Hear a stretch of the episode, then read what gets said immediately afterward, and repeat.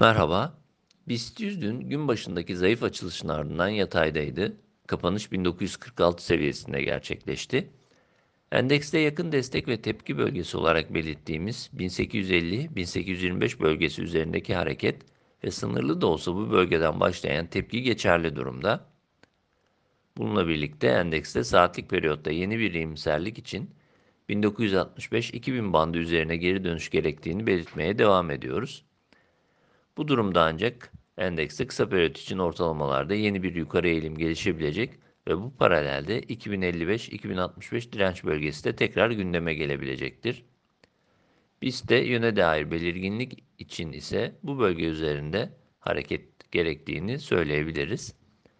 Endekste 1920-1900 bandı yakın destek, 1850-1825 bandı ise nispeten güçlü destek ve tepki bölgesi olarak görülebilir.